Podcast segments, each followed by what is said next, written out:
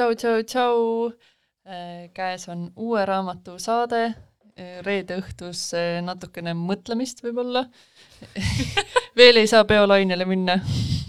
No põhimõtteliselt on see ka omaette pidu, et just saatsin Triinule hetk tagasi ühe meemi, kus on äh, sisu, et ma ei jõua ära oodata, et ma saaksin oma vabal päeval äh, lõbutsema minna. Ja siis on pilt kassist voodis et see on nagu teistmoodi pidu. Nii, aga Elisa käis meil siin vahepeal reisu peal ja eh, ta hakkab meile kõigest sellest rääkima, kuidas on käia raamatupoodides Tallinnast väljas, Eestist väljas. ja ma pole ka neid lugusid veel kuulnud, nii et eh, ma olen teiega samas seisus. No äh, ma käisin eelmine nädal Berliinis ja Berliin on äh, teada-tuntud äh, meka väikestele raamatupoodidele ja väikestele poodidele üldse.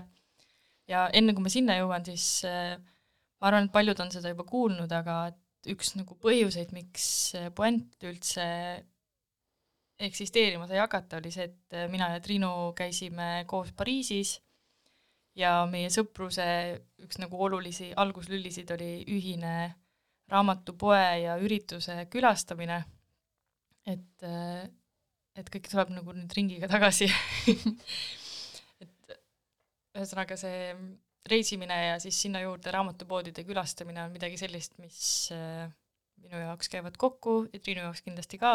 jaa, kindlasti.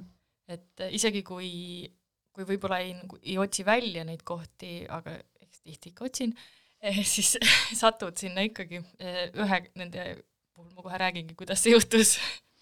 Aga ma olin teinud endale väikese nimekirja poodidest, mida ma kindlasti tahaksin külastada. Äh, nendest esimene oli Shakespeare and, Shakespeare and Sons, mis on äh, inglise keele, ingliskeelsetele raamatutele keskenduv raamatupood äh, ja neil on ka kohvik ja pagarikoda, aga mingi väike osa on ka äh, saksakeelset kirjandust, aga põhiliselt siis inglisekeelne. Ja nende valik on äh, nii palju, kui ma kohapeal rääkisin ka, siis nende valik on viimastel aastatel kontsentreeritumaks läinud ja neil oli tõesti nagu, lust oli seal riiulite vahel jalutada, et sa näed, et seal on, seal on populaarsed raamatud esi-, esindatud, seal on äh, kuhjaga igasugust friigikraami, äh, klassikuid ja sa lihtsalt mitte võta kohvi ja nagu mingi unusta maailm ära, sest põhimõtteliselt sa võid sinna jääda tundideks. Ja kui kõht tühjaks läheb, siis seal kohapeal saab täidetud peigeleid et see on, ja selle raamatupoega me otsustasime tagasi minna pühapäevasel päeval, Berliinis on eh, teadupärast pühapäeviti muidu enamus poed on kinni, et neil on, see on, see on reegel, et kui sa sellele eksid, siis see on põhimõtteliselt nagu konkurentsiameti küsimus, et sa, sa, sa ei tohi enda poodi lahti teha, et kui teised kõik on kinni aga toidukohad äh, funktsioneerivad, ehk siis ka Shakespeare and Sons oli lahti äh, ja ütleme nii, et äh, seda mäsu, mis ma, mis mind seal ees ootas sel päeval, seda ma ei oodanud. et see, see oli lihtsalt nagu puu püsti rahvast täis, enamasti küll kohviku osas, mõnus nagu pühapäevane häng sõpradega, aga et oli näha ka, et see, see raamatupoe osa oli nagu huvilisi täis, et äh, oli palju ka raamatutega istujaid. ja mis mulle veel meeldis selle pühapäeva kohta ja see kehtib ka neil laupäeval, et eh, kui sa sisened äh, raamatupoodi nädalavahetusel, siis äh, ukse peal on silt äh,, et äh, nädalavahetusel ei ole sülearvutid oodatud. ehk siis sa ei lähe sinna nädalavahetusel tundideks tööd tegema, vaid see ongi selline, võtad aja maha, naudid, puhkad päriselt äkki et see, see võiks olla nagu see see eesmärk mm,. siis oli, mm, mis mul kindlasti oli plaanis, mida mulle mitmed inimesed soovitasid, oli selline koht nagu St George's Bookshop, mis keskendub, neil on äh, suures osas kasutatud inglisekeelsed raamatud, aga ka uued raamatud, ja siis poes äh, sees on, ongi maast laeni riiulid, esimene osa kohe kasutatud raamatud, siis läheb mingist osast üle uuteks raamatuteks ja järgmine saal jälle siis nagu selline kasutatud raamatute osa. ja mis selle poe juures mulle samuti meeldis, oli see valik. see valik oli hea, et selles suhtes ma käisin ka ühes poes seal, kuhu, mille peale ma sattusin, kui ma vaatasin nagu üle, et mis, mida võiks külastada, siis äh, ma ei tea isegi, kas ma tahan öelda niimoodi, et millegi kohta, et noh, et see oli nüüd halva valikuga koht mitte sulle lihtsalt? mitte mulle et, et St George'is bookshopis oli tõesti nagu väga hea valik, et sa nägid, et ja neil on ka selline reegel, et kui sa ostad sealt kohapealt raamatu, siis äh, saad selle raamatu poole hinnaga sinnasamasse tagasi müüa. et käib kogu aeg selline ringlus. ma tean, et see on kasutatud raamatupoodide äris suhteliselt tavaline, et sul on põhimõtteliselt äh, sa võtad kliendi tagasi esiteks, sest et tõenäoliselt siis ta leiab midagi muud, ja sa saad kogu aeg siis omal raamatuid nagu ringlusesse uuesti ja uuesti. Et niikaua, kuni see nagu kapsastub siis nagu täielikult. Mm,. aga see koht, kus kasutatud raamatute valik, ma ei, lõpuks ostsin sealt midagi, aga see ei olnud ka kasutatud raamat, oli Another Country bookshop, kus oli mul oli see tunne, et sinna lihtsalt on jõudnud raamatud. aga et noh, mis see nagu printsiip on, ma ei suutnud seda lahti muukida ja ma ei leidnud nagu sealt riiulitelt midagi sellist, mida ma oleks tahtnud tohutult endaga kaasa võtta, aga see on natuke ka põhimõtte küsimus, et kui sul on väike pood ja sul on nagu mingis mõttes see vibe meeldib, et äh, ma külastasin nendest äh, keldrikorrust ka, kus ma sain aru, et seal toimub nagu mingisugune seltsielu, väljas oli silt, et äh, et palun ära kasuta küünlaalust äh, tuhadoosina tõuse püsti ja too tuhadoos, kui sul vaja on. ehk siis päevasel ajal seal keegi sees ei suitsetanud, aga tõenäoliselt siis õhtusel mingil seltskondlikul ajal on see suhteliselt tavaline. Ehm, aga neil oli mõned aastad tagasi konkurss, kus nad kogusid äh, raamatupoega, just selle konkreetse raamatupoega seotud lugusid ja siis parimad lood avaldatigi nende ehm, kas see oli Tales from another bookshop, et mingi sellise nimega, et selline pisikene vihik, et selle ma ikkagi võtsin sealt kaasa. aga selle meesterahvaga rääkides, kes leti taga oli sain aru, et see koha vaimsus iseenesest mulle meeldib. et kui ma seda raamatut soetama hakkasin, siis ta ütles mulle, et rääkis mulle sedasama lugu, ma jõudsin seda küll kaane pealt lugeda, aga ma kuulasin ikka, kuidas tema seda räägib mulle et see oli selle konkursiga. aga neil on enda poe poolt välja antud ka selline vihik nagu Queer Stories, siis ta ütles, et äh, ta tegi ettepaneku poeomanikule, et nad peaksid äh, jõulude ajal tegema niisuguse kampaania pakkumise, kus sa saad need kaks raamatut korraga osta ja kui sul endal juba olemas, siis kingi teine oma homofoobist sõbrale et mulle, ütlesin talle, et kindlasti peaksite selle ära tegema geniaalne idee. täiesti. aga noh, meil siin eh, liiga palju ei saa võrrelda, aga mm, milliseid erinevusi või mil-, jah, mis on kõige suuremad erinevused siis äh, näiteks Berliini raamatupoodide ja meie raamatupoodide vahel või kas mingis suhtumises, inimeste käitumises kuidagi, et äh, ma arvan, et sa mõned punktid äkki leiad mm? -hmm selle punkti juurde, mis ma tahaksin tuua, tooksin veel kaks raamatupoodi, mis seal on, mis on spetsialiseerunud. näiteks Sabriski äh, spetsialiteet on äh, kultuur ja loodus ja kõik raamatud, mis nende juures on, on siis kultuur ja loodus, nad võivad olla ka kriitiline teooria, aga see peab otsapidi kuidagi nagu nende kahe poole juurde jõudma siis.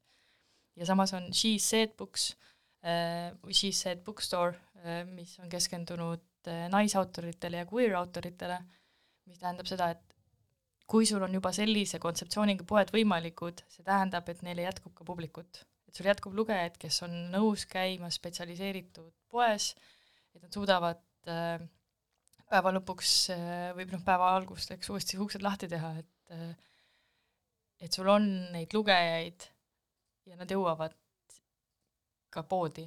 et see, minu arust see on üks nagu suurimaid erinevusi, sest meil ikkagi on äh, ma ei usu, et me saaksime teha näiteks, et näiteks loodus ja kultuur, mõlemad väga südamelähedased teemad, aga ma ei julgeks näiteks Tallinnas sellist äh, raamatupoodi avada. see on üks erinevus. ja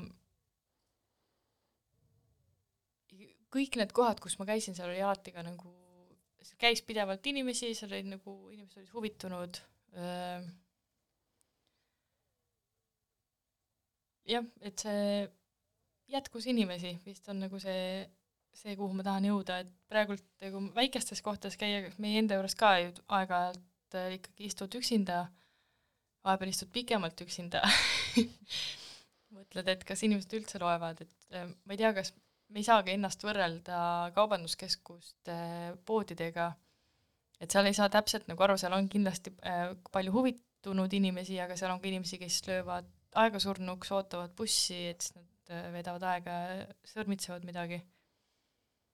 ja ma praegu tabasin ennast mõttelt, et ähm, et Berliinis ju kesklinnas ei ole, selles kandis, kus need raamatupoed asuvad, ei ole äh, suuri kaubanduskeskuseid mm, -hmm. et ähm, need poed ei saagi kuhugile ühte kohta koonduda, nad peavadki olema mööda linna laiali, et meil äh, kuna Tallinn on nii väike ja need suured kaubanduskeskused on nii äh, nii-öelda linna südamele nii lähedal, et siis äh, see vist äh, rik-, rikub ka seda pinda mm. -hmm. et meil ei ole, meil on olnud, aga meil praegu ei ole seda kultuuri, et väikeärid saaksid äh, mm, et on, see, et inimesel tekiks see harjumus võib-olla, et muidugi on nagu väga mugav, kui sul kõik asjad on ühes hoones koos, eks ole, et sa lähed nagu, sa käid, ostad kingad ja siis sul on võib-olla mingit raamatut vaja ja siis äkki aluspüksid, et see, sa saad selle kõik nagu ühest suurest keskusest, aga minu jaoks isiklikult ja ma arvan, et ka need inimesed, kes meie juurde jõuavad, et nad tahavad tegelikult sellest anonüümsest nagu ringist mingis määral välja saada, või siis ise, noh, meie juures on ka väga okei okay,, kui sa käid nagu anonüümselt, et sa raamatupoes ju üldiselt et kui sa ei taha suhelda, siis see on täiesti nagu võimalik, sa, lähed sinna tegelikult ju tutvuma raamatutega. et sul on kogu aeg nagu mingi asi, kuhu taha peituda. aga see, et kui sa tegelikult ka tahad vestelda ja sa tahad võib-olla nagu mingisse kogukonda jõuda, siis see on lihtsam väikestes kohtades kui, kui suurtes äh, kaubanduskeskustes ja me vist oleme enne ka siin saates rääkinud sellest linna planeerimisest, et et meil see Tallinna geniaalne mm, ma ei teagi, linna planeerimise ja Transpordiamet ja nii edasi, et need äh, rikuvad siin elusid. Mhm. sest et kulu pärast on Berliinis ka üks äh, suur raamatupood, mis pidi ka tegelikult olema täitsa tore, me ei läinud sinna meelega sest need väikesed juba täitsid nagu kõik need augud ära, et võib-olla siis lihtsalt see suur võtab kõik need kokku ühte kohta, aga see ei ole see, mida ma ise isiklikult otsisin, ma ei mäleta selle suure nime ka a la Tusman või midagi sellist või Tukus või ma ei tea, vahet ei ole. Ja aga lähme raamatute peale nüüd, päris raamatute peale üle, et poodides on käidud nüüd ja mina valisin täna endaga kaasa sellise raamatu nagu Life Ceremony, mis on ähm, Jaapani autori Sayaka Murata äh, kirjutatud ja see on, mm, kui ma mõtlesin, kuidas seda kirjeldada, siis ma tahaks öelda lihtsalt what the fuck see võtaks selle kokku. saaksid sellest äh, BookToki teha, vaata see. Raamatud, mis tekitavad sinust seda emotsiooni, kui sa tahad, siis see on see mm. -hmm. aga see on äh, kogumik äh, lühilugudest, kus ähm, kõikidest kajab läbi selline jutumärkides ähm, normaalsuse küsimus, et äh, millised on meie ühiskonna sotsiaalsed normid ja miks need on meil just sellised, nagu nad on siin ei ole, selles raamatus ei ole midagi normaalset aga eh, kõigel on natukene niisugust vinti peale keeratud ja nii-öelda see reaalsus, mis on raamatus, siis meie jaoks on veider, aga seal raamatus on see normaalne kas sa tood mingi näite? Eh, jaa, kõige eredamalt eh, jäid meelde sellised, tegelikult selles raamatus oli väga palju mm, kirjeldatud, need lood olid nagu kehadega seotud ähm,, et kuidas me suhtume, kuidas me kasutame neid, mis funktsioon meie kehal üldse on. ja siis nendes kõikides erinevates lugudes oli sellel kuidagi erineva nurga alt lähenetud. ja ühes loos näiteks mm, olid äh, in-, inimesed kasutasid nii-öelda inimeste juppe ära, ehk siis sul olid näiteks luudest tehtud ehted või inimese nahast võib sul olla püksirihm, äh, rahakott, äh, mööbel, et kõik sellised asjad ja see oli nagu eksklusiivne kaup, see, mida kõik ihalesid, ihaldasid. Ja selles, selles loos oli äh, see peategelane, siis tema oli selle vastane. ehk siis tema oli nagu outcast tolles ühiskonnas, kes äh, oli selle vastu, et, et inimesest nii-öelda tarbeesemeid teha. et äh, siis meil, meile, meile nagu risti vastupidiselt. et selline nihestatus, siis ühes loos oli see, et kui inimene ära sureb, siis äh, korraldatakse üks suur pidu, kuhu on kõik sõbrad-tuttavad kutsutud ja siis äh, sellest äh, surnud inimesest äh, keedetakse üks korralik selline puljong ja supp ja siis kõik söövad seda ühise laua ääres. et selline, et see on uhke toit, mida siis hautatakse mitmeid-mitmeid tunde.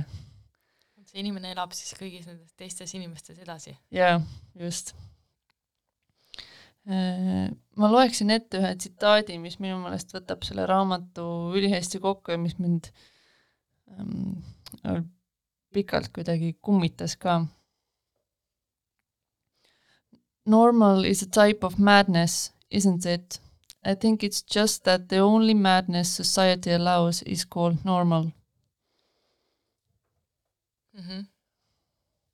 et ähm, see, mida meie peame normiks, on tegelikult, on, ongi üks suur hullus. ja see kuidagi tänapäevases ühiskonnas kõlab minu meelest eriti teravalt ka, et ehm, kui ma vahepeal eh, jah, satun mingitesse mõttekeerkäikudesse, et kuidas ehm, meie ühiskond on üles ehitatud ja milliste lollustega me peame tegelema, et lihtsalt elus püsida, siis eh, ja me kutsume seda normaalseks.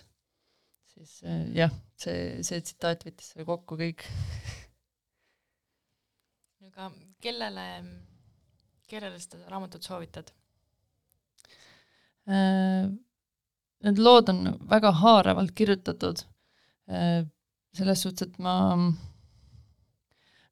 nõrganärvilistele kindlasti mitte aga, aga ma arvan, et on küllaltki selline Jaapani pärane ikkagi, et selline nagu, kes on Jaapani kirjandusest huvitatud, just kaasaegsest, et äh, nendele peaks see sada protsenti sobima.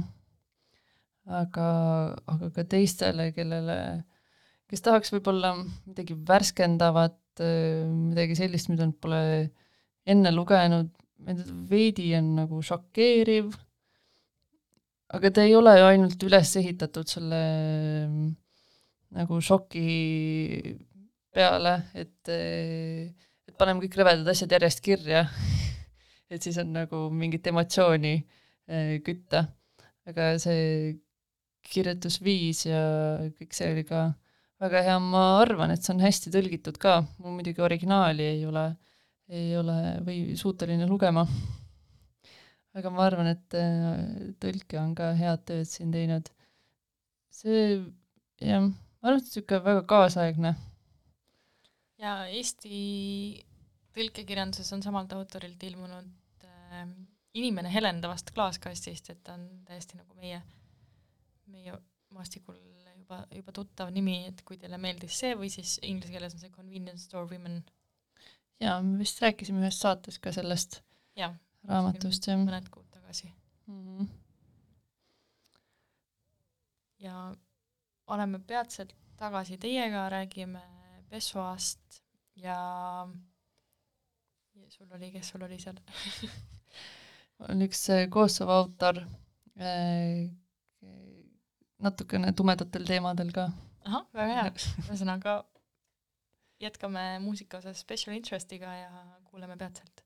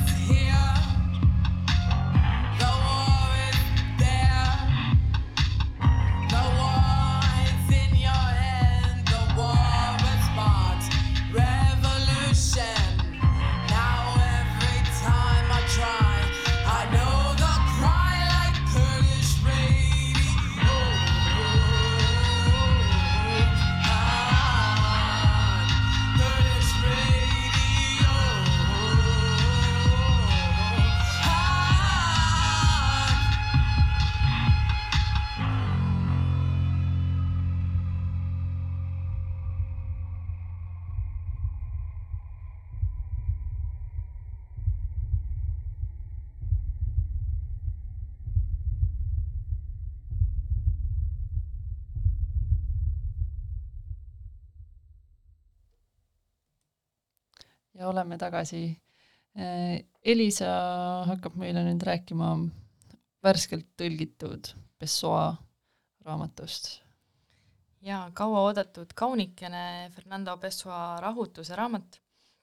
ja antud raamatu puhul on siis tegemist sellise äh, teosega, millest ei ole lõplikku versiooni, nii et äh, see on siis üks võimalik äh, variant Rahutuse raamatust kui lugeda näiteks inglisekeelset või kui te loete mõnda teist keelt, siis äh, see on tõlkija valik olnud, äh, et mis siia kaante vahele saab ja kuna need, äh, see, raamat on, koosneb sellistest lahtistest lehtedest ja kohati nagu dešifreerimatutest sõnadest käsikirjaliselt kirja pandud, siis seal võib nagu esineda väga erinevaid sisusid kohati.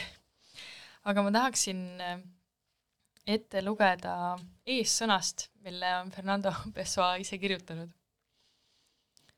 Lissabonis on vähesel arvul kõrtse või taverne, mis asuvad viisaka väljanägemisega restoranide ülakorrusel ning on raskepärast ja kodust tüüpi, nagu linnakeses, kuhu rongid ei käi. kui pühapäevad välja arvata, ei külastata neid ülakorruste söömakohti just tihti ja seal võib sageli kohata kummalisi ilmetute nägudega tüüpe, tervet rida elu ääremärkusi. soov leida rahu ja taskukohased hinnad viisid mind teataval eluperioodil sageli ühte sellisesse ülakorruse kõrtsi. kui sattusin õhtustama kella seitsme paiku, juhtus seal peaaegu alati viibima isik, kelle välimus, mis mulle esiti huvi ei pakkunud, hakkas mind vähehaaval paeluma. mees oli pealtnäha kolmekümne ringis, kõhn, pigem pikk kui lühike, istudes liialt kühmus seistes veidi vähem. riietunud teatava hooletusega, mis pole päris hooletu. tema kahvatul ja mitte midagi ütleval näol oli kannatav ilme. see ei äratanud erilist huvi ja oli raske täpselt aru saada, mis sorti kannatus tema näost paistab. see näis viitavalt erinevatele hädadele, leinadele, ärevustele ja sellele vaevale, mis tärkab palju kannatanud inimeste tuimusest ta sõi alati vähe ja suitsetas seejärel lahtist tubakat. ta pööras ümbritsevale, ümbritsevatele inimestele ebatavaliselt palju tähelepanu, kuid ei teinud seda kahtlustavalt. ta ei piielnud neid uuri-, uurivalt, soovides nende näojooni meelde jätta või välimuse pisiasju tabada, vaid otse kui pakuksid inimesedki talle siirast huvi.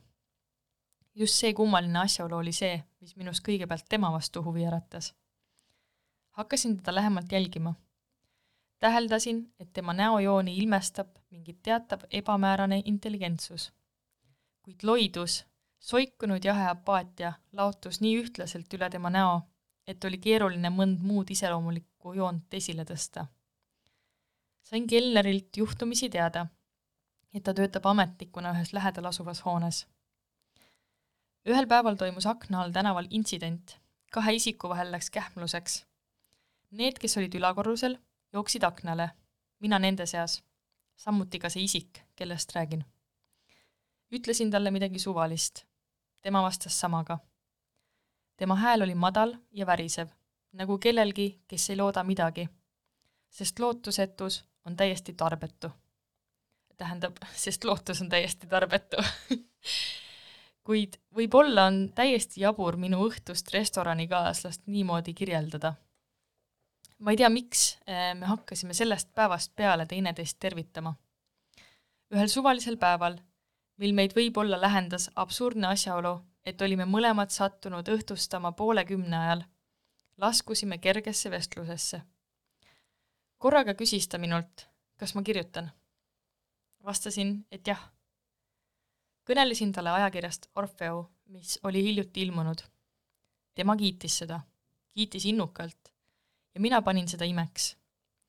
söandasin talle märkida, et see üllatab mind, sest nende looming, kes kirjutavad Orfeole, kipub paeluma väheseid.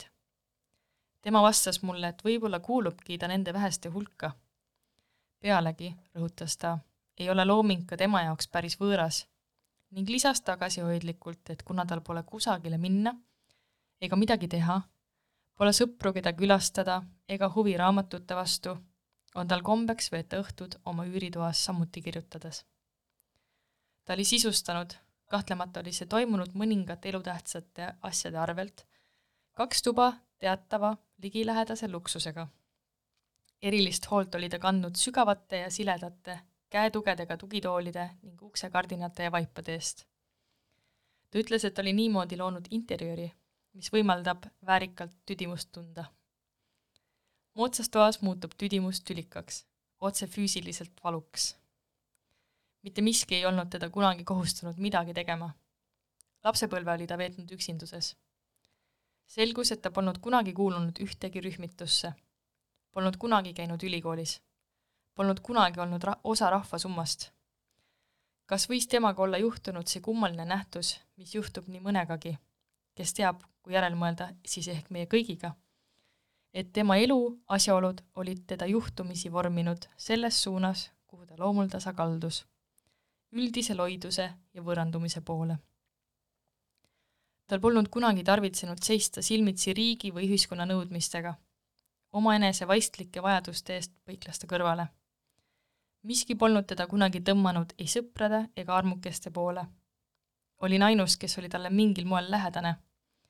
aga ehkki ta oli ala, alati elanud kedagi teist teeseldes ja ehkki ma kahtlustasin, et ta ei võtnud mind kunagi kui tõelist sõpra, mõistsin ma kogu aeg, et tal oli vaja kedagi kellele anda raamat, mille ta endast maha jättis. olgugi, et see alguses, kui seda märkasin, mind riivas, siis vaadeldes lõpuks kõike psühholoogiliselt ainuõigest vaatepunktist, teeb mulle rõõmu mõelda, et mina olin temale ikkagi sõbra eest ja pühendusin lõpuni sellele, mille tarvis ta mulle üldse lähenenud oli, tema raamatu avaldamisele. on kummaline avastada, et isegi selles olid asjaolud tema jaoks soodsad ja viisid ta minu näol kokku kellegagi, kellest tal oli kasu. Fernando Pessoa. ja miks ma otsustasin selle eessõna ette lugeda? siin on äh, võtmemomente erinevaid. esiteks, äh, seda raamatut ei ilmunud kunagi Pessoa eluajal. et see, need lähe-, need lehed leiti pärast tema surma. ja siin on äh, kirjeldatud siis mingisugust ametnikku, siin on ka erinevad nagu iseloomuomadused, mis sellel ametnikul on. kui vaadata raamatu tiitellehte, siis siin on kirjas, et rahutusraamat, mille on koostanud Bernardo Suarez, abiarveametnik Lissaboni linnas. Eh, sellist inimest ei eksisteerinud, et see oli Pessoa üks paljudest alter egodest. Eh, keegi täpselt ei teagi, kui palju tal neid oli, ta kirjutas erinevate nimede alt, ta kirjutas erinevate nimede alt endale vastu et oli täiesti tavaline, et ta, et ta kirjutas ajalehte artikli ja siis järgmise päeva ajalehes kirjutas teise nime alt enda artiklile vastulause. et see, see sõna annab selle raamatu lugemiseks ja kuidagi Pessoa isiku või loomingu mõistmiseks minu arust erinevaid võtmeelemente. et kui tõlkija Leenu Nigu esitlusel rääkis Pessoast, siis siin veel üks element, milleni ma ise ei olnud varem jõudnud, et et tuba oli sisustatud üksikute luksusesemetega. et kuulu järgi siis Pessoa ise elas üsna kasinat elu, ta sarnaselt selle kirjeldatud ametnikuga ta, talle meeldis kirjutada, aga ta ei tahtnud teha mingit muud tööd väga, et ta oli ka mingi hetk ametnikuna tõesti töötanud, aga ta ei loobunud teatud luksustest, eh, nagu näiteks habemajajast, kes käis teatud intervallide taga Äh, tagant tema kodus tal habet ajamas. selles ilmselgelt on tegu sellise luksusega, aga see oli midagi, mis oli tema jaoks äärmiselt oluline ja millest ta ei loobunud ja mulle isiklikult tundub, et äh, see võib-olla ongi nagu oluline, et kuidas elada isegi oma seda kasinat elu niimoodi, et sul on need mingid üksikud asjad, mis sulle lihtsalt lõpuni rõõmu pakuvad ja mis on sinu jaoks olulised ja sa oled suutnud need tuvastada. Ja selle jaoks peab äh, väga hästi teadma ennast, sest et need äh, üksikud nopped teha. ja ma sellest raamatust äh, ma tahan öelda veel nii palju, et ma ei taha selle sisusse laskuda, et siin on, seal ongi sellised äh, lehekesed või sellised jupikesed mõtteid äh,, mida on väga mõnus äh, tõenäoliselt kuskil kohvikus lugeda, võtta aega ja lihtsalt natuke lugeleda anda endale selline paus, lugeda mõned lood, kui ei meeldi, minna edasi, aga, aga ma ei tea, kas, kas see, et ei meeldi.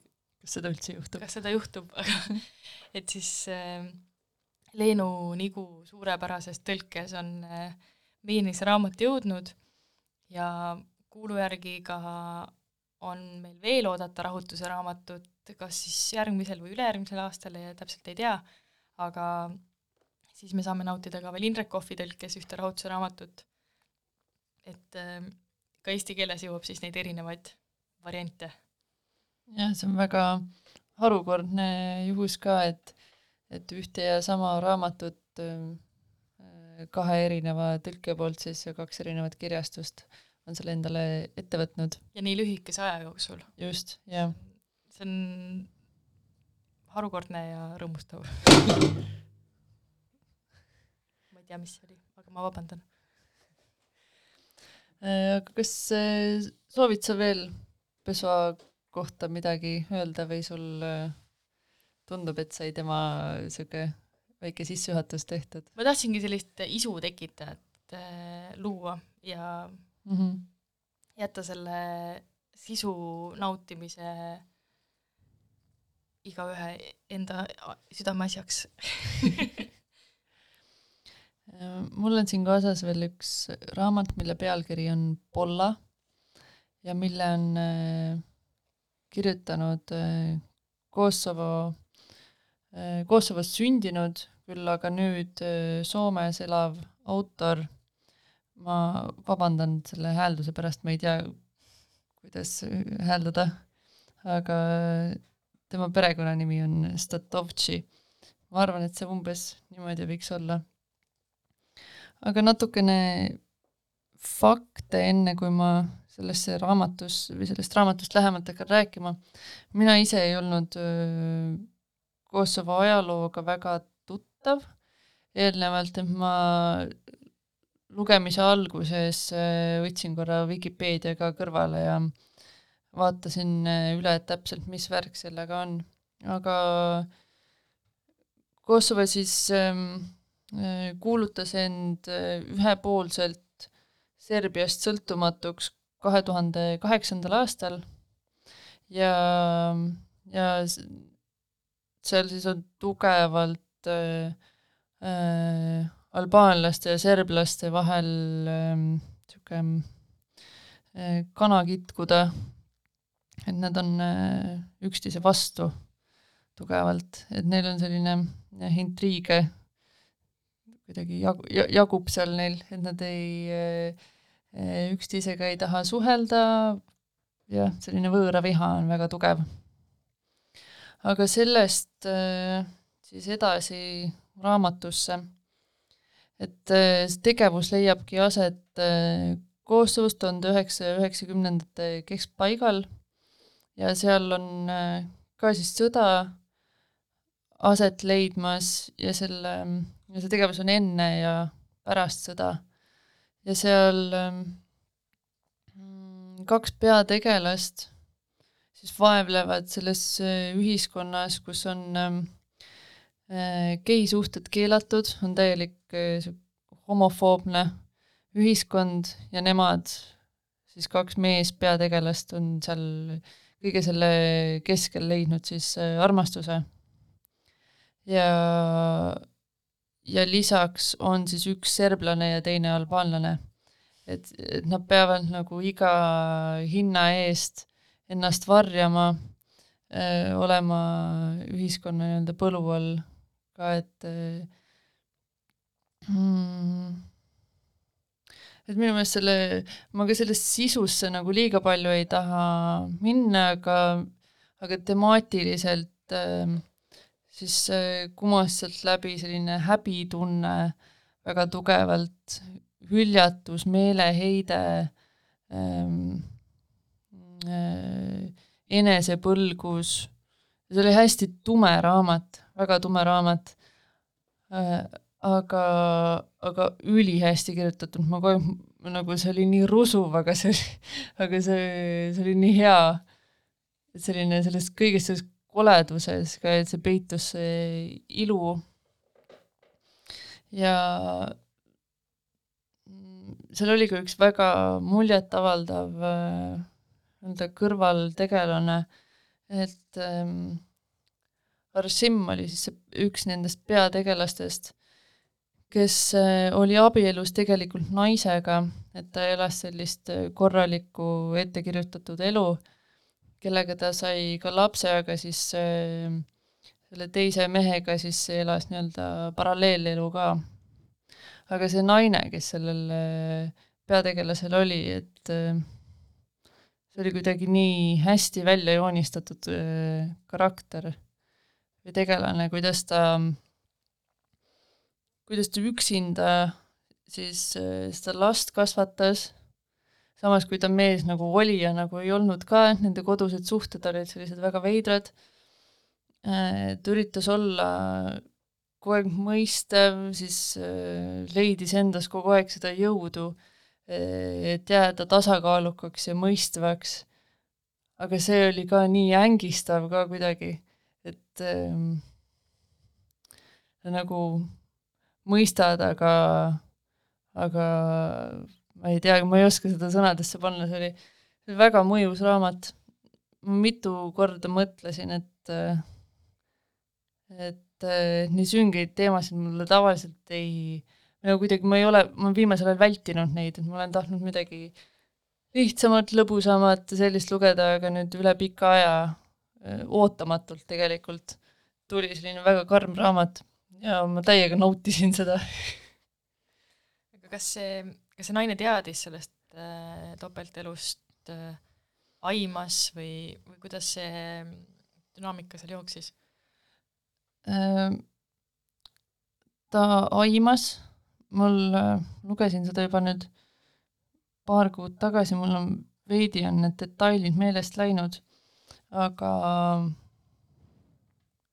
jaa, ta aimas küll, lisaks oli, vahepeal oli see mees ka vangis, et, et siis ta pidi lastele ka seda seletama, et miks isa ei ole ja ja miks isa nende juurde tagasi ei tule, et kui ta vangist ka nagu vabastati, siis ta ei läinud, lõpus ta ei läinud ikkagi oma pere juurde, et ta läks äh, siis seda Milošit otsima, kelle ta oli sõja ajal siis vahepeal kaotanud, et neil kontakti ei olnud.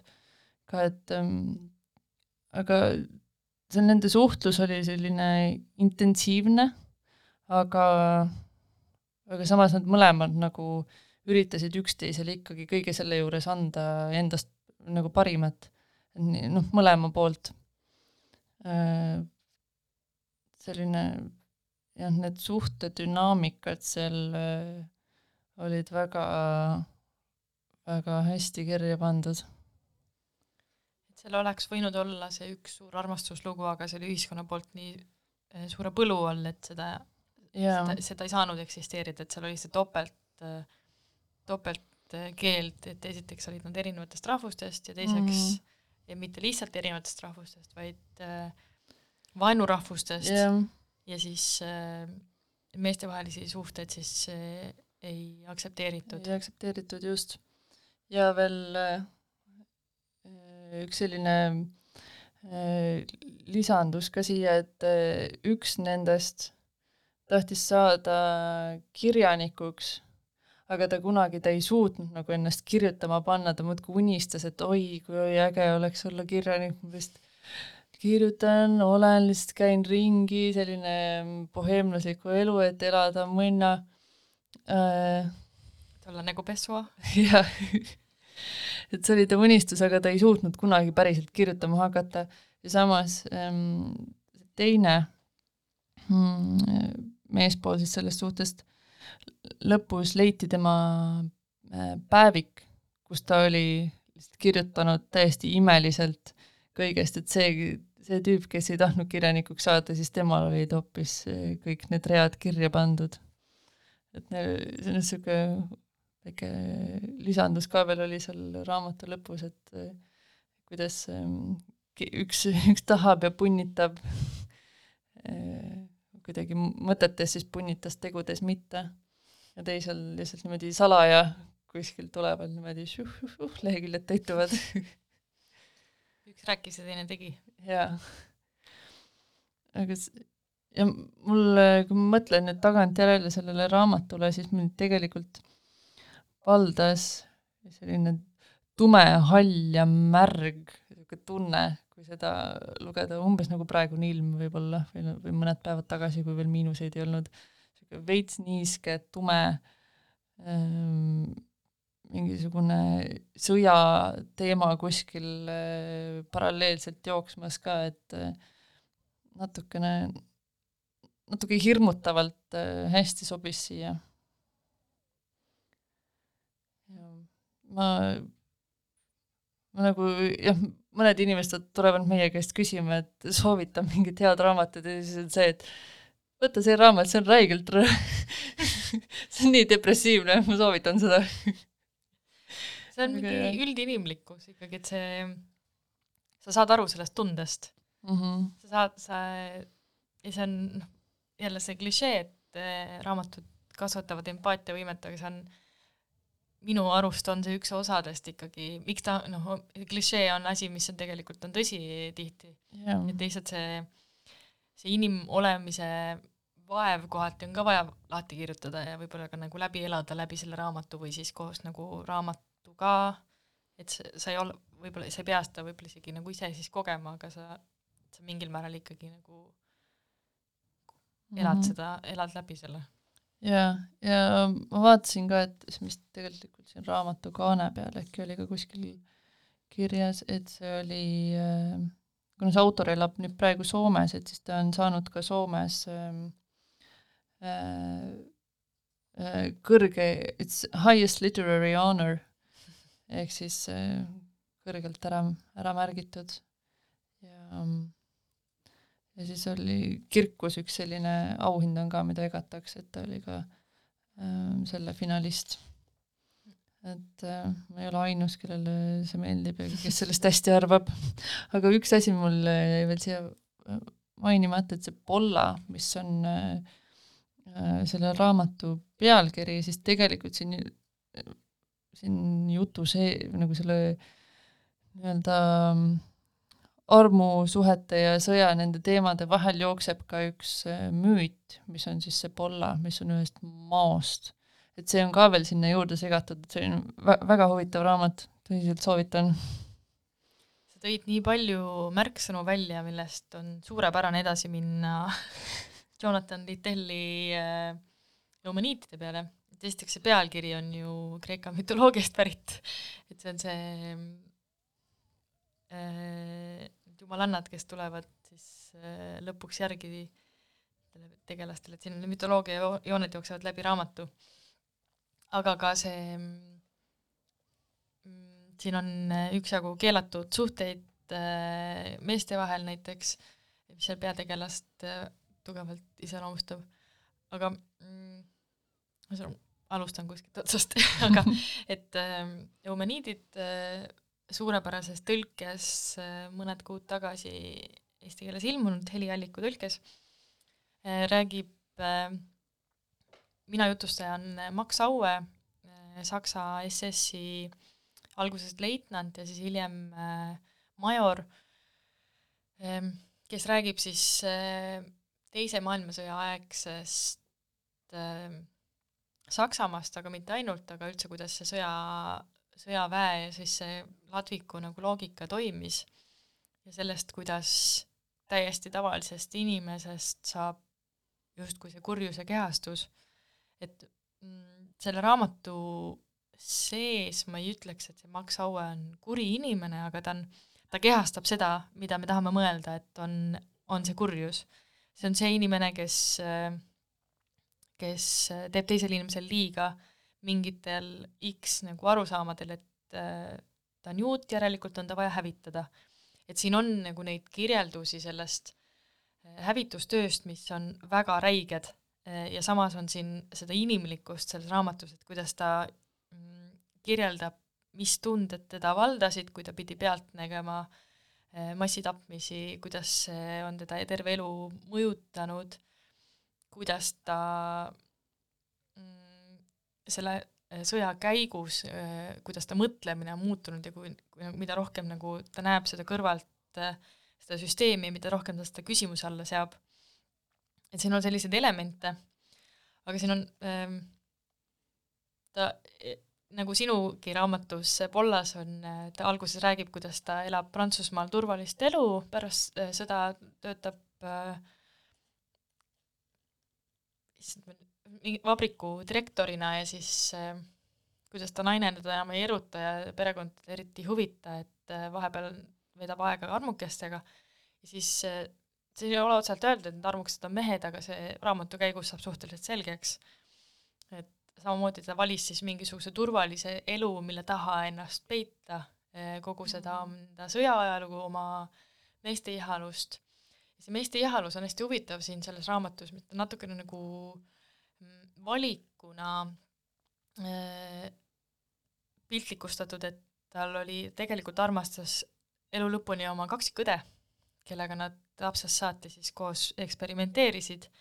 Ja kuna nad andsid lastena üksteisele sellise lubaduse, et, et nad jäävad elu lõpuni, et nemad on siis üksteisele valitud, siis äh, Max Auel on selline obsessiivne nagu kinnisidee sellega, kuigi noh, hiljem ta on järelikult naise võtnud ja perekonna loonud, et siis ta on seda ikkagi rikkunud, aga vähemalt seal sõjaaja kirjelduses ka, kui ta on kolmkümmend, siis ta kohtub mingi hetk veel õega, natuke enne kolmekümnendat sünnipäeva, ja ta ütleb õele, et, et noh, me ju, me ju lubasime üksteisele. Ja õde ütleb, et noh, et kuule noh, saa aru, et nagu, et see, mida me tegime, et nagu, et se- seda ei saa enam kunagi juhtuma, aga ta ei saa sellest üle, et siin on selline nagu perversne suhe nende kaksikute vahel, kes siis mingi hetk sellepärast ka üksteisest eraldati, et see painab seda tegelast. ja, ja sellepärast on otsustanud, et ta ei tee naistega tegemist, sest ta on andnud oma õele lubaduse ja siis ta hoopis äh, rahuldab oma vajadusi meestega, kellel on tihti maksab hea meelega ja ta ei taha nendega mingit intiimsuhet luua, välja arvatud siin mingid mõned hetked äh, raamatus.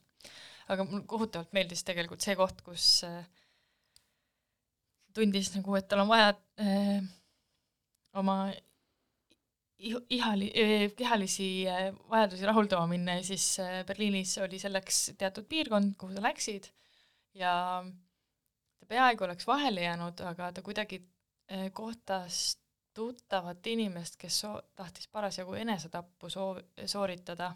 lõpuks sellega läks ka läbi, aga, aga tema asetus siis läbi selle kahtlase olukorra ja kõige politsei tähelepanu alla, ta viidi ülekuulamisele ja kogu selle ülekuulamise lõpuks ta siis öeldi, et okei okay,, noh, et sul on kaks võimalust, et sa oled nagu, saad märgi eluks ajaks külge või siis astud SS-i. ja see lause, mis võtab kokku selle, et ja nii ma siis astusingi SS-i, endal perse spermat täis. siis kohati nagu loed seda raamatut, oled näiteks rongis ja oled mingi, nii, väga hea, okei okay. et selles suhtes, et sellised nagu äh, tähelepanekud laused ja kuidagi see teeb selle minu arust väga nagu äh, kättesaadavaks, et nagu päris inimese lugu. kuigi ta, noh, ta on mingisugune väljamõeldis mingis osas, siin on ka palju ajaloolisi tegelasi sees, et kui eh, lugemisel tekib huvi, siis võib nagu järgi vaadata, et et osad tegelased, kes on liiga kara-, karakteris äh, nagu tunduvad nagu mingisugused koomilised karakterid, siis nad tõenäoliselt on niisugused ülepaisutatud, aga siin on ka nagu neid päris tegelasi, kes Natsi-Saksamaal toimetasid ja ja kuigi see raamat on siis, ta on noh, mingis määral sõjast, siis sõja rõvedustest, aga ta on rohkem nagu inimestest, kuidas inimestele mõjub inimesed, kes seal sees on, millised jõumängud seal toimivad, tekkis väga palju paralleele mm, praeguse sõjaolukorraga kahjuks. aga et see samamoodi, et mingisugused aruanded, mis siis Hitlerile saadeti, et selle peategelase sõber Toomas ütles talle aeg-ajalt, et sa oled ikkagi nagu rumal, et sa ei saa aru, mida sinult oodatakse. et sinult ei oodata seda, et sa kirjutad päris raporti. sa pead kirjutama seda, mida ta-, tahetakse näha. ehk siis mul tekkis seesama olukord, et äh, Venemaa tungis Ukrainasse, sest et talle oli maalitud see olukord, et neid oodatakse seal. et nagu mingisugused nagu paralleelsed pildid hakkasid jooksma. et siit kohati nagu oli, oli neid samu asju, et, et sa esitad nagu juhile selle mingi väärastunud nägemuse, mida ei pruugi nagu kunagi olnud olla. ja mm, see raamat on paras äh, jupp äh, tagumikutunde paras jupp tegemist, et ähm, Littell äh, kuuldavasti siis äh, uuris selle raamatu jaoks äh, allikaid kümme aastat ja siis äh, kümne kuuga kirjutas äh, esimese mustandi valmis, et eesti keeles on see raamat üheksasada kakskümmend kaheksa lehekülge. Ehm, et ta on igas keeles nagu küllalt paks klots, aga tõesti hästi läheb edasi ja hästi kummaline on mõelda sellest, et sa loed millestki nagu, nagu eriti nendes sõjaolukordade kirjeldust, sa loed midagi nagu täiesti räiget ja sa oled nii põnevil, et kuidas see edasi läheb. ja ma tahaks äh, siia saate lõppu lugeda ette ühe suurepärase, suurepärase musta huumori näite ka. Kui ma selle nüüd leian muidugi. nii. See on üks hetk siis, kus ta on äh, Stalingradist tagasi tulnud, äh, elab äh, hotellis ja siis kuidagi, see on niisugune musta huumori näide minu arust, mis siin raamat, neid on rohkemgi siin, muidu see raamat ise muutuks liiga masendavaks, aga ühesõnaga niisugune näidi, näidis siis. kus Max Aue ei saa rahulikult oma toas olla, sest tema allkorrusel toimub pidu ja siis ta läheb nende ukse taha ja ütleb, ma elan teie kohal. ma naasin Stalingradist, kus ma sain raskelt haavata ja kus kõik mu kaaslased hukkusid. Teie pidustused häirivad mind. ma tahtsin alla tulla ja teid ära tappa, aga ma helistasin ühele sõbrale, kes soovitas kõigepealt teiega rääkida. niisiis ma tulin teiega rääkima. meil kõigile oleks parem, kui me peaks uuesti alla tulema. ja ma arvan, et ma ei pea lisama, et see pidu sai üsna kiiresti läbi aga tundub, et aeg on sealmaal, et äh, ühe reedese hea mineku loo jõuab veel siia lõppu mängida. ja, ja enne veel äh, ütleme igaks juhuks äh, kultuuriuudiseid ka, et kuuendal äh, detsembril on Loomingu Raamatukogu kuldsarjas Tokartšuki maailma inetuim naisterahvas. just, ja seitsmeteistkümnendal detsembril on Ave Taaveti raamatuesitlus ka siis äh, mõlemad ikka puändis. näeme esitlustel ja igal pool mujal. tšau. tšau.